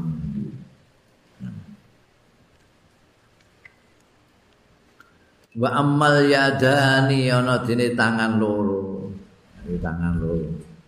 Fahfad huma mongko ngreksa sira ing yadani an antadriba saking yen to mukul sira bima kelawan yadani musliman ing seorang muslim. Wong meneh bojomu dhewe. Pemeneh anakmu dhewe? Aja sampai tanganmu mbok ngeplak wong sama sekali. Au tatanawala utawa mbok ngunjukuk bihima kelawan yadani malan haraman ing bondo sing haram. Tanganmu aja mbok nggo sesuatu yang haram. Au tu'ziya utawa yen to nglarakno sira bihima lawan tangan loromu mau akhadan ing seseorang minal khalqi saking manusa. Au takhuna utawa khianat sira bihima lawan tanganmu fi amanatin ing dalam suwijining amanat au wadiatin utawa titipan Au taktuba utawa nulis sira bima kelawan tanganmu mau maing barang. Laya juzu sing ora kena apa anutku ngomongake bi kelawan ma. Fa innal qalama mongko sedune tak pena iku ahadul lisanai salah satunya lisan dua. Fakwat mongko ngrekso sira al ing pena amma saking barang yajib kang wajib apa hifdzul lisani ngrekso lisan anhu saking ma yo tanganmu juga harus dijaga. Jangan sampai untuk memukul orang menyakiti orang. Aja dinggo nyelindut bandane wong. Aja dinggo ngorup bandane rakyat. Eh merugikan orang jangan. Aja nunggu sarana khianat terhadap amanat. Ngorek-ngorek kwitansi tambahin nule barang ngono Aja mbok gunule sesuatu yang dilarang ketika membicarakannya. Oh, iki penting saiki. Iki kowe saiki ora ora tahu ngomong tapi nggunakno tangan. Tangan itu salah satu lesan, lesan kedua itu tangan itu. Saiki wong orang ngomong tapi jempolnya weneman sing ora ora. lewat Facebook, lewat WA, lewat entah enggak. Saiki tangan. Jadi ini anu apa Imam Ghazali itu pandangannya jauh ke depan. Dulu ngenek Facebook kok bisa nanti ini. Ini, eh, Joko, mungkin kata-kata, hibdulisan andu, bima laya juzun nutkubi geneman gak oleh nulis ya gak oleh gak oleh geneman kotor nulis kotor ya gak oleh. Geneman ngelaknat ya gak oleh nulis ngelaknat ya gak oleh. Ngomong fitnah gak oleh nulis fitnah ya gak oleh. Sekarang ini usumin nganggu tangan kabeh. Jadi penting jogo tangan ini. Yo tanganmu jaga jangan sampai melakukan hal-hal yang dilarang. Kamu bicara. Bicara dilarang, nulis juga nggak boleh. Rasan-rasan biyen nganggo cangkem. Saiki tanpa cangkem iso ngrasani wong. Dengan apa? Dengan tangan. Ahadul lisanain salah satu lisan itu adalah tulisan. Kok wis ngerti ya biyen luar biasa eh, eh. Wa ammar rijlani ana dene sikil loro fahfadhuma mongko ngreksa sira ing rijlani an antam siabihima saking yen lumaku sira bihima kelawan rijlani ila haramin marang haram. Jogo sikil loro iki piye? Jangan kamu bawa untuk berjalan ke tempat-tempat yang haram. Autas abihima ila babi sultan. Mesti ono ngene iki. Dari anu keras juga nek sultan ini. Autas au tumandang sira bima kelawan dijlani ila babi sultanin zalimin marang lawange penguasa sing zalim penguasa gak zalim gak apa-apa penguasa sing zalim sing lalim sing tirani. Wa innal masya ila salatini zalama monggo sedune mlaku ila salatini marang penguasa-penguasa al-zalamati sing zalim sing lalim min ghairi daruratin. Saking tanpa ana keperluan apa-apa keperluan apa? Lah ajeng utang. Oh enggak. Sing dimaksud keperluan iki ngandani apa piye? Wa irhaqi maksiatin lan nekani maksiat iku kabiratun dosa gedhe ya.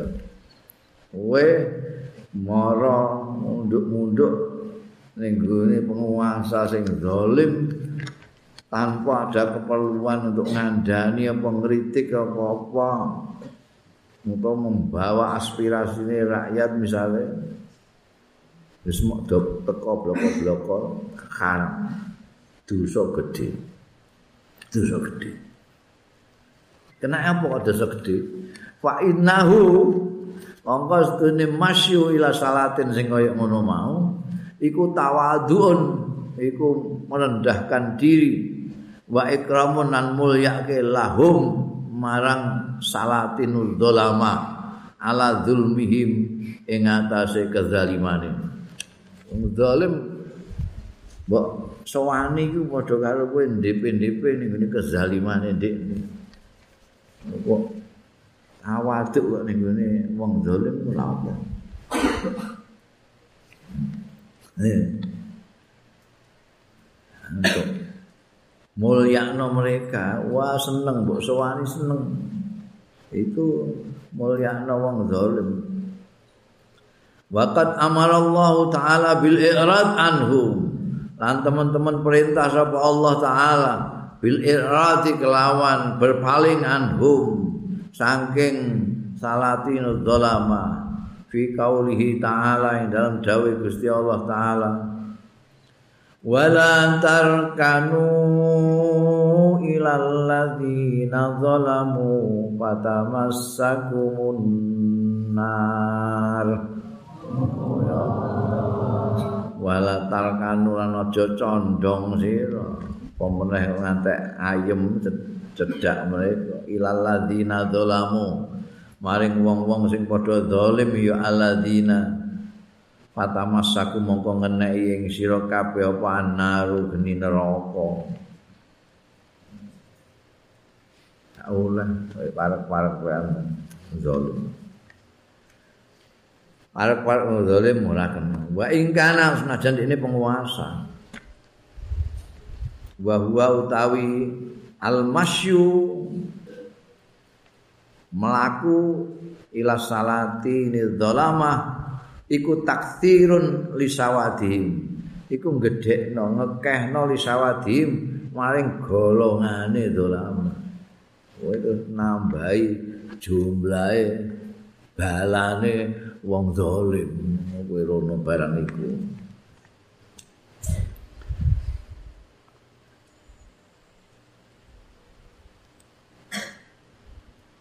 wa in kana dzalika lamun ana apa dzalika mengkono-mengkono sowan masyu ila salatine dzalamah mau disababi tolabi malihim krana sebab golek buandane salatin bahwa mongko tai dzalik iku sa'yun ilal haram itu sama saja dengan berjalan menuju ke haram Waqat qala lan teman-teman dawuh sapa an-nabi Kanjeng Nabi sallallahu alaihi wasallam. Man tawadhu'a sapale wong sing tawadhu merendahkan diri ya man li ghaniyin salihin marang wong sugih sing saleh. Tapi tukmu tawadhu orang mergo saleh tapi li ghinau mergo sugih ghaniyin saleh. Zahaba mongko ilang apa sulusa dinihi dua per tiga agamane man.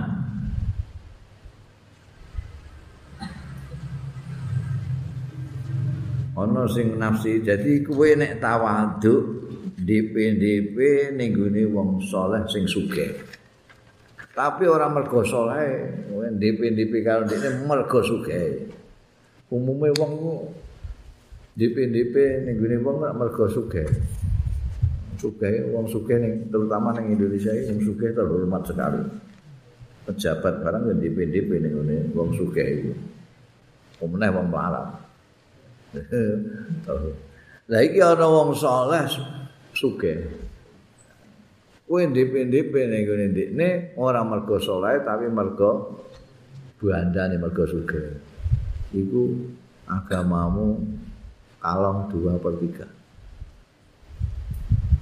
Ana sing nafsiri, jadi agama yang dimaksud ning kene iki adabnya orang dalam hidup saleh itu itu ada tiga etika adabe ning Gusti Allah adabe ning Rasulullah sallallahu alaihi wasallam adabe ning sesama menjaga hubungan dengan Allah dengan Rasulullah dengan sesama.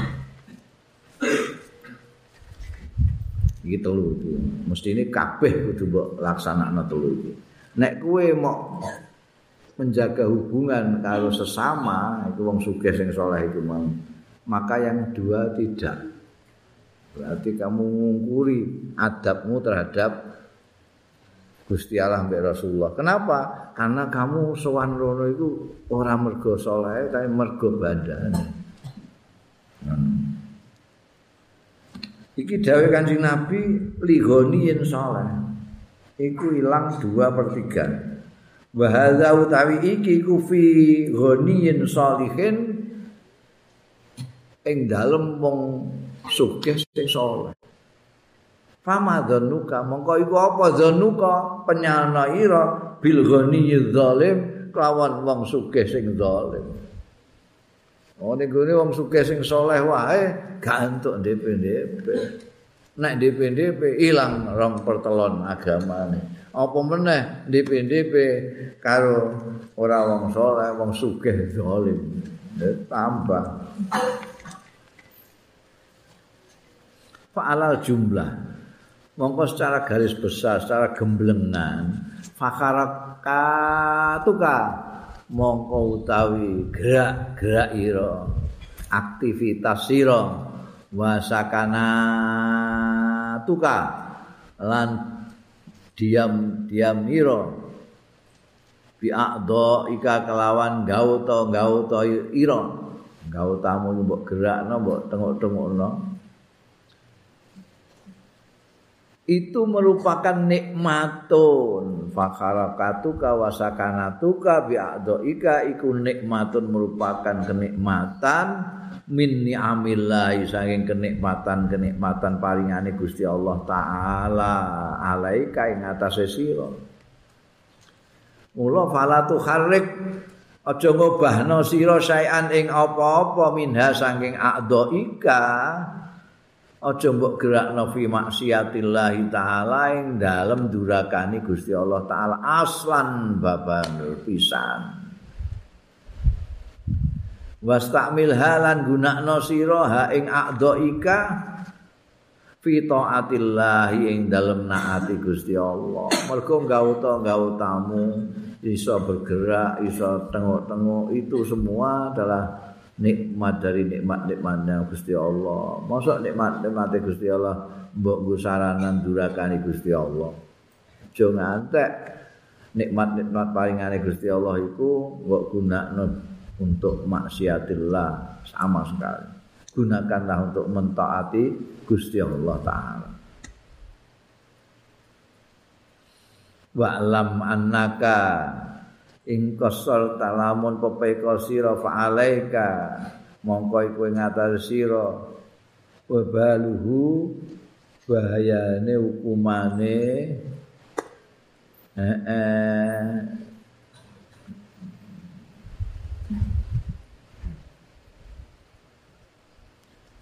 hukumane taksir ira rujukane ning ngene iku anune taksir nek kowe itu sambale tidak menggunakan gautong gautamu untuk kepentingan taat ning Gusti Allah tapi kanggo kepentingan durakani Gusti Allah maka kamu yang rugi. Fa alaika wa balu hukumane kepadamu. Dampak dari taksir kamu dari pepe kamu dari sambalewamu itu pada dirimu sendiri. Wa in syammarta nek kowe cancut asal samar itu asale mingkis klambi. Nek wong arep nyambut gawe diwingkisi kabeh. Maksude nek kowe cancut in samar talamun cancut sira untuk menggunakan gauto gautamu untuk kepentingan-kepentingan yang baik untuk taat ning Gusti Allah fa ilaika mongko marang sira taudu bali apa samratuhu apa buahe tasmir itu untukmu cancuk mau wallahu ta'ala Gusti Allah iku ghaniyun ra butuh. Angka saking sira wa an amalika saking amalira wa innama kullu nafsin nang pustine saben-saben awak-awakan. Bima kelawan barang kasabat sing nglakoni ya kulo nafsin iku rohinatun tergadekan oh, ditebus apik ta elek eh, tergantung bima kasabat mbok lakoni ya gadiane awakmu digadekno bima kasabat. Ya. Gusti Allah ra butuh sing butuh kowe. Jadi nek kowe taat ya balik ning kowe. Nek kowe ora taat ya merugikan kowe dhewe. Ndak ada urusan Gusti Allah itu ghaniyun hamid. Gusti Allah ora butuh ngamalmu, ora butuh kowe. Kowe sing butuh Gusti Allah. Lan nek kowe pancen butuh untuk kepenak saka Gusti Allah, ya taati Gusti Allah. Nek kowe kepengin lara kabeh, ya kono silakan. nek arep menggunakan peparingi peparingi Gusti Allah kanggo ndurakani Gusti Allah. Gusti Allah gak rugi belas. Wa inna ma kusa bima kasabat rahim. Wa iyyaka an wedya sira antakula jangan sampai maksudnya iyyaka itu. Jangan nanti antakula yang mengucap sira Innallaha karim rahim yaghfiru dzunub lil usad Gusti Allah tenang kok Gusti Allah iku karimun mulya kok murah rahimun tur akeh welas asihe yang biru ngapuranan Gusti Allah iku adunuba ing dosa-dosa lil usati kanggo wong-wong sing do duraka kowe eh yang mbok dalil iku. Tenang ae Gusti Allah iku. Ngapian kok. Welas asih mola asih dosa pira ae Gusti Allah iku pengapurane sak gunung. Es ya mbok cakno kanggo menghibur diri apa piye? Fa inna hadzal kalimata monggo sedune iki kalimat iku hakun bener. Tapi uri dadi karepno biya kelawan kalimat apa batilun batil. Akeh kata-kata kalimat-kalimat itu yang benar tapi tujuannya ora benar. Iki bener. Gusti Allah pancen rahim Gusti Allah pancen karim Gusti Allah pancen ngapuranan. Tapi maksudmu apa? Muni ngono itu maksudmu apa? Ben kowe iso duraka terus ngono Itu kan jenenge menggunakan yang hak untuk tujuan yang tidak benar. Ya, wasahibuha utayus wong sing duwe kalimat iki muni Allahu anu mau Allahu karim betul Iku mulakopun dilakopi, dijuluki bil hamakati kelawan kumprung tolol. Bitalki bi Rasulillah sallallahu alaihi wasallam. kelawan pelakabane julukane Kanjeng Rasul sallallahu sing juluki Kanjeng Rasul sallallahu alaihi wasallam ora Imam Ghazali.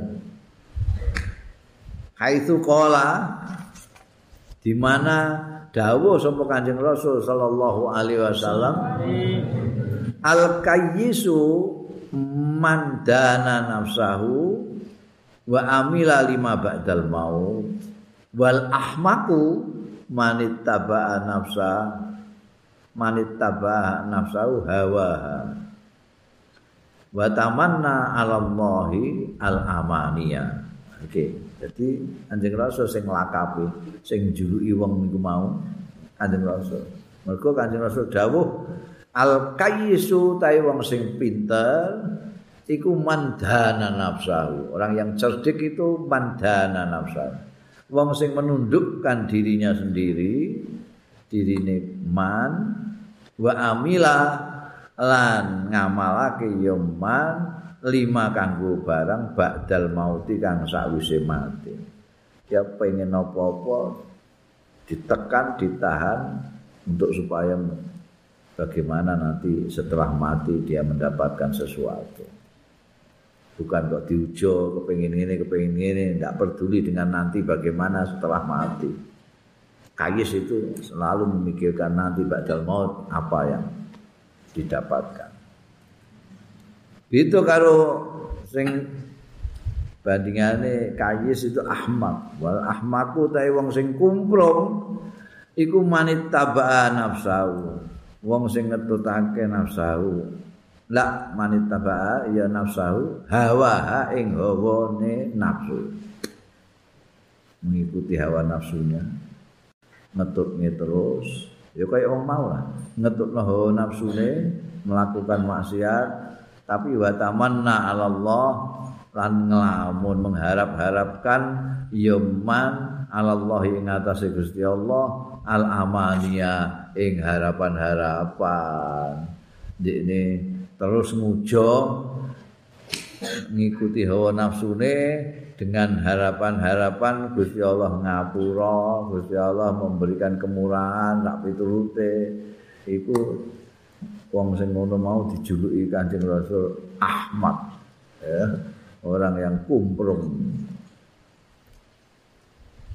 Wa alam lan ngerti sira anna kaulaka setuhune ucapanira hadza iki ucapan bahwa Gusti Allah itu karimun rahimun yaghfiru dzunuba lil usat Gusti Allah itu ngapura dosa-dosane wong sing dosa kok.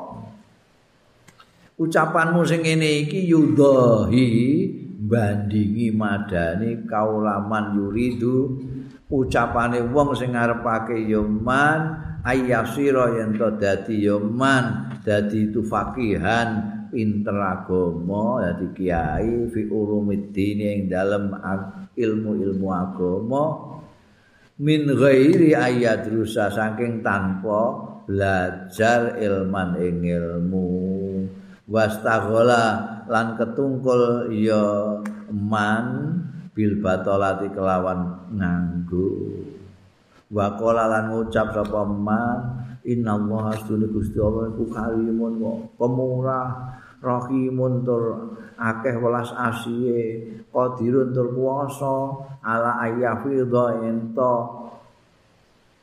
ngluberi Allah ala qalbi ngatasé ati ingsun minal ulumi saking pira-pira ilmu ma ing barang hafadhu kang ngloberi ya Gusti Allahu ing ma ala kulubi anbiya'ihi ing atase ati-atine para nabi-nabine Allah wa auliyaihi lan wali-waline Gusti Allah min ghairi juhdin saking tanpa tenanan tanpa perjuangan wa tikrarin lan deres mengulang-ulang pelajaran wa ta'allumin lan belajar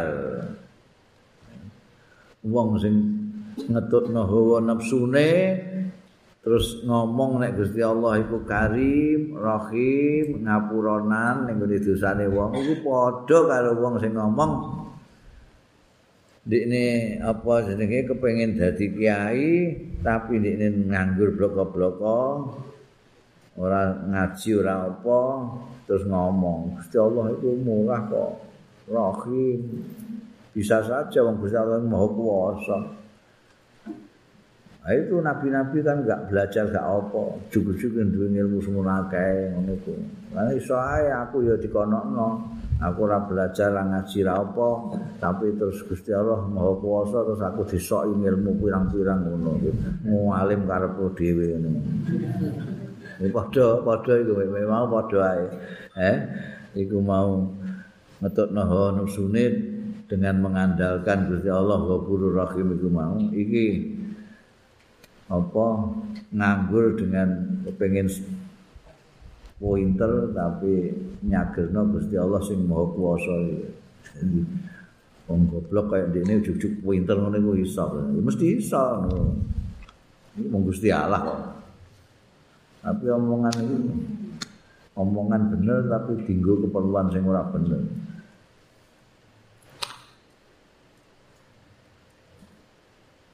Bahwa utahe omongan sing ngono iku ya kakau liman kaya ucapane wong sing yuridu malan sing ngarepake ya man malan ing bondo payah terus payah terus mongko tinggal yoman al khirasata ing bertani wa tijarah lan dagang. Ayat terus al khirasata ing tani wa tijarah lan dagang wal kasbah lan nyambut gawe wa ta'ala ta'ala nganggur bloko-bloko wa qala lan ngucap sapa man Inna kawimun setune Gusti Allah iku murah rahimun tur akeh welase walahulan iku kagungane Gusti Allah khazainu samawati gudang-gudang langit kagungane Gusti Allah kabeh. Wal ardi gudang-gudang bumi juga kagungane Gusti Allah taala. Wa huwa utai Gusti Allah iku qadirun mampu kuasa kok ala ayutul liani ento meruhake sapa Allah ing ingsun. Ala kanzi ning atase perbendaraan minal kunusi saking perbendaraan perbendaraane Allah astaghni sing perlu sapa ingsun bi? Sebab enake kanzun mau anil kasbi sange nyambut gawe.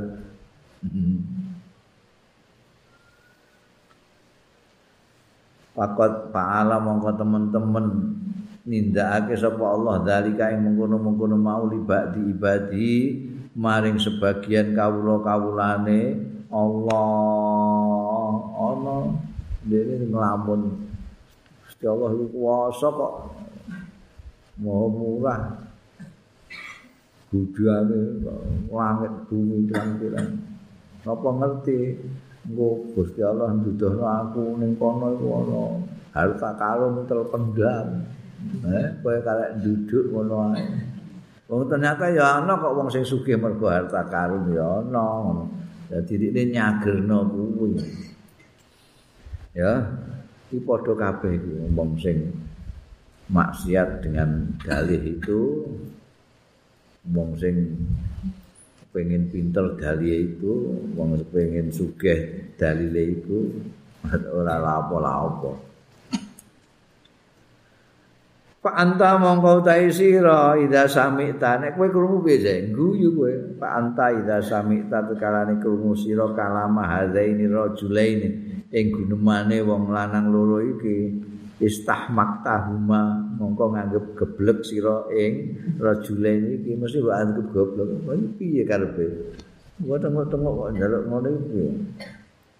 Basakharta min huma eh dan ngremehno sira moyo sira min huma saking rajulain wa ing kana senajan ana apa barang wasofahu kang nyipati ya rajulain hu ing ma bayane min karomillah nyatane murai Gusti Allah taala. Wa kudrati lan kekuasaane Allah taala iku sidkon bener. Wa hakan lan ya nyata. Tapi kowe tetep goblok wong iku lah. Jadi itu lah kok ngomong ngono tok iku. Fakadzalika yathaku alaika albabul basair. Mongko iku semono uga yathaku ngguyu alaika ngatasi sira sapa arbabul basairi wong-wong sing duweni pandangan yang betul. Wong-wong yang duwe makrifat bidine ing dalam agama. Idza talabtal maghfirah bi ghairi sa'yin lah. Tatkalane nuntut sira nuprih sira al maghfirata ing pengapuran bi ghairi sa'yin kelawan tanpa tumandang lah marang maghfirah. Wallahu taala utai Gusti Allah taala iku yaqulu dawuh sapa Gusti Allah taala wa laisa lil insani illa ma Astune kelakuan lae salil insan ora ana kudu manusa apa ilama barang saakang tumandang ya insan. Apa yang kamu lakukan? Golek mahfirah gak lapo-lapo. Golek ganjaran gak lapo-lapo. Pengen sugih gak lapo-lapo. Eh? Gak iso. Najan Gusti Allah itu pengampun, tapi kudu mbok golek apa yang menyebabkan kamu diampuni. Meskipun Gusti Allah itu pemurah kamu cari kan? Usahakan. Meskipun Gusti Allah itu rozak zat sing moho ngresakeni aja kok kowe terus ning masjid. Ambekan ya rozaku ya rozaku terus saya dengan harapan duit ketepak ketepok. Ayo ya ning pak biyen niku zamane sahabat Umar dadi kepala negara masjid ana wong ngetulu ning masjid itu ngarepe ana kerikile sak gunung Oh, biyen durung enek tesbih, ana produksi tesbih. Dadi wong sing ngarep wiridan iku nggawa kerikil. Kerikil. Ya Razaku, ya Razaku, ya Razaku, ya Razaku. Muadek dhuwur ini. Konangan sekabat umar swaduk ini. Kerikil-kerikil disaduk ini. Gur. Kowe tau tumon. Ngono Gusti Allah ngudono emas kon dhuwur langit. Kowe pengen rezeki ning gone masjid piye? Rezeki ning pasar kono. Usah dan sahabat umat. Jaluk rezeki jaga Gusti Allah rozak tapi orang yang pada tempatnya. Wa yaqulu lan dawuh sapa Gusti Allah taala innama tuzzauna ma kuntum ta'malun. Angin pestine diwales sira kabeh. Ma barang kuntum kang ana sira kabeh ku tak maluna padha ngamal sira kabeh. Kok gak ngamal apa-apa njok malesan apa kowe wa yaqulu lan dawuh sapa Gusti Allah taala innal abrara lafi na'imin wa in innal fujjara lafi jahim. Innal abrara setune wong sing apik-apik lafi naimin iku ing dalem swarga sing penuh kenikmatan. Wa innal fujjara setune wong sing lacut lafi jahim yakti ning gone neraka jahim naudzubillah. Fa idza lam tatruki sa'ya fi talabil ilmi wal mal mongko tetkalane ora tinggal sira asaya ing tumandang fitolabil ilmi ing dalam golek ilmu wal malilan bondo wa iktimadan krana nyagrake ala karamihi ing atase murai Allah. Pakadalika mongko semono gola tatruk at-tazawwud aja tinggal sira at-tazawwuda ing golek sangu lil akhirati marang akhirat. Kamu jangan meninggalkan usaha untuk mendapatkan ilmu. Jangan meninggalkan usaha untuk mencari rezeki bondo. Kamu juga harus apa namanya jangan berhenti berusaha untuk mendapatkan sangu bekal lil akhirati kanggo akhirat. Wala taftur lan aja lembek sira. Yang keras berjuang yang betul-betul. Fa inna Rabbat dunia wal akhirat setuhune pangerane dunya lan pangerane akhirat iku wahidun siji. Wa huwa utawi Rabbud dunya wal akhirah fihi main dalam dunya lan akhirat iku karimun maha murah rahimun maha rahim nek kowe golek bondo wae ya ora ninggalno upaya keras untuk mendapatkan kemurahan Gusti Allah demikian pula kowe nek akhirat juga begitu. Jangan tanggung-tanggung. Walai saya zidu lahu karamun bi taati lan ora ana yazidu nambahi lahu marang rabbud dunya wal akhirah. Aramun kemuliaan kemurahan bito atika sebab taatmu karena kamu taat lalu Gusti Allah tambah murah. Ndak wa inna makaramuhu. Angin pustine kemurahan Gusti Allah iku fi ayu yassiralaka ing dalem yen to gampangake sapa Allah laka kanggo sira. Tariqal wusul ing dalan sampai ilal mulkil mukim. Maring kerajaan sing tetep sing langgeng sing permanen. Wan naim daim lan kenikmatan sing abadi al mukhallati sing selawas-lawase. Bisabri kelawan sabar alat tarki syahwati ing atase tinggal kepinginan-kepinginan syahwat ayaman kola ila ing pira-pira dina kola ila sing sithik paling suwe 100 tahun wa hadza nihayatul karam. Utawi iki betul-betul nihayatul karam puncak kemurahan Gusti Allah. Allah murah banget. Lah kowe mau ngibadah sedilu ngono ae diparingi ganjaran paringi swarga lawas-lawase. Oh gak murah banget itu piye? Ora kok murah mergo kowe ora lapo-lapo terus gak diapa-apa gak. Murah Gusti Allah itu kowe nyambut gawe sithik di wayar pirang-pirang wayar gede banget ngamal mau sithik paling suwe 150 tahun kowe kuat. Kok dibayar kenikmatan permanen selawase. Kowe mau nyabari sedih ngono ae. Umpamane dilarang ya mau sediluk ngono kan nihayatul kalam wala tu hadis nafsaka. Aja ngomongi sira nafsaka ing awakira bitahwi satil batolin kelawan cageran-cagerane wong-wong sing pengangguran mau. Gera rahime Gusti Allah karame Gusti Allah.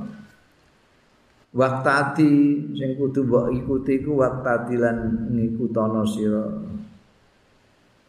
diulil azmi wan nuha lawan priagung-priagung kang anduweni keteguhan wan nuha lan duwe pikiran.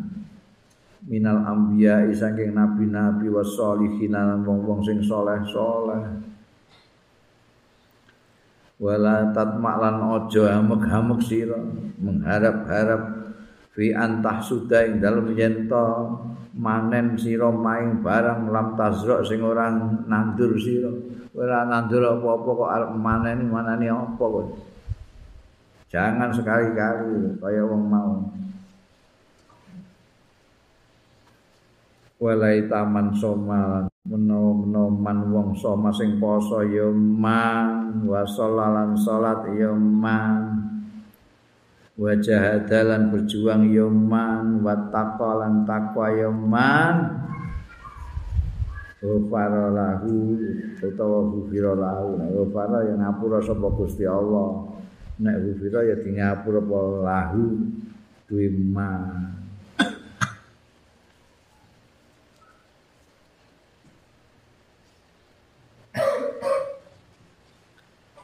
Fahadi mongko iki iku jumalun gemblengan mimma saking barang yang bagi kang prayoga apa antah fadha anhu yen to ngreksa sira anhu saking ma jawari hakae gauta gautamu adzahirah angan lesan sikil sak piturute wis iku kumpulane sudah dikemukakan kabeh. Wa a'malu hadhihi wa a'malu hadhi wallahu a'lam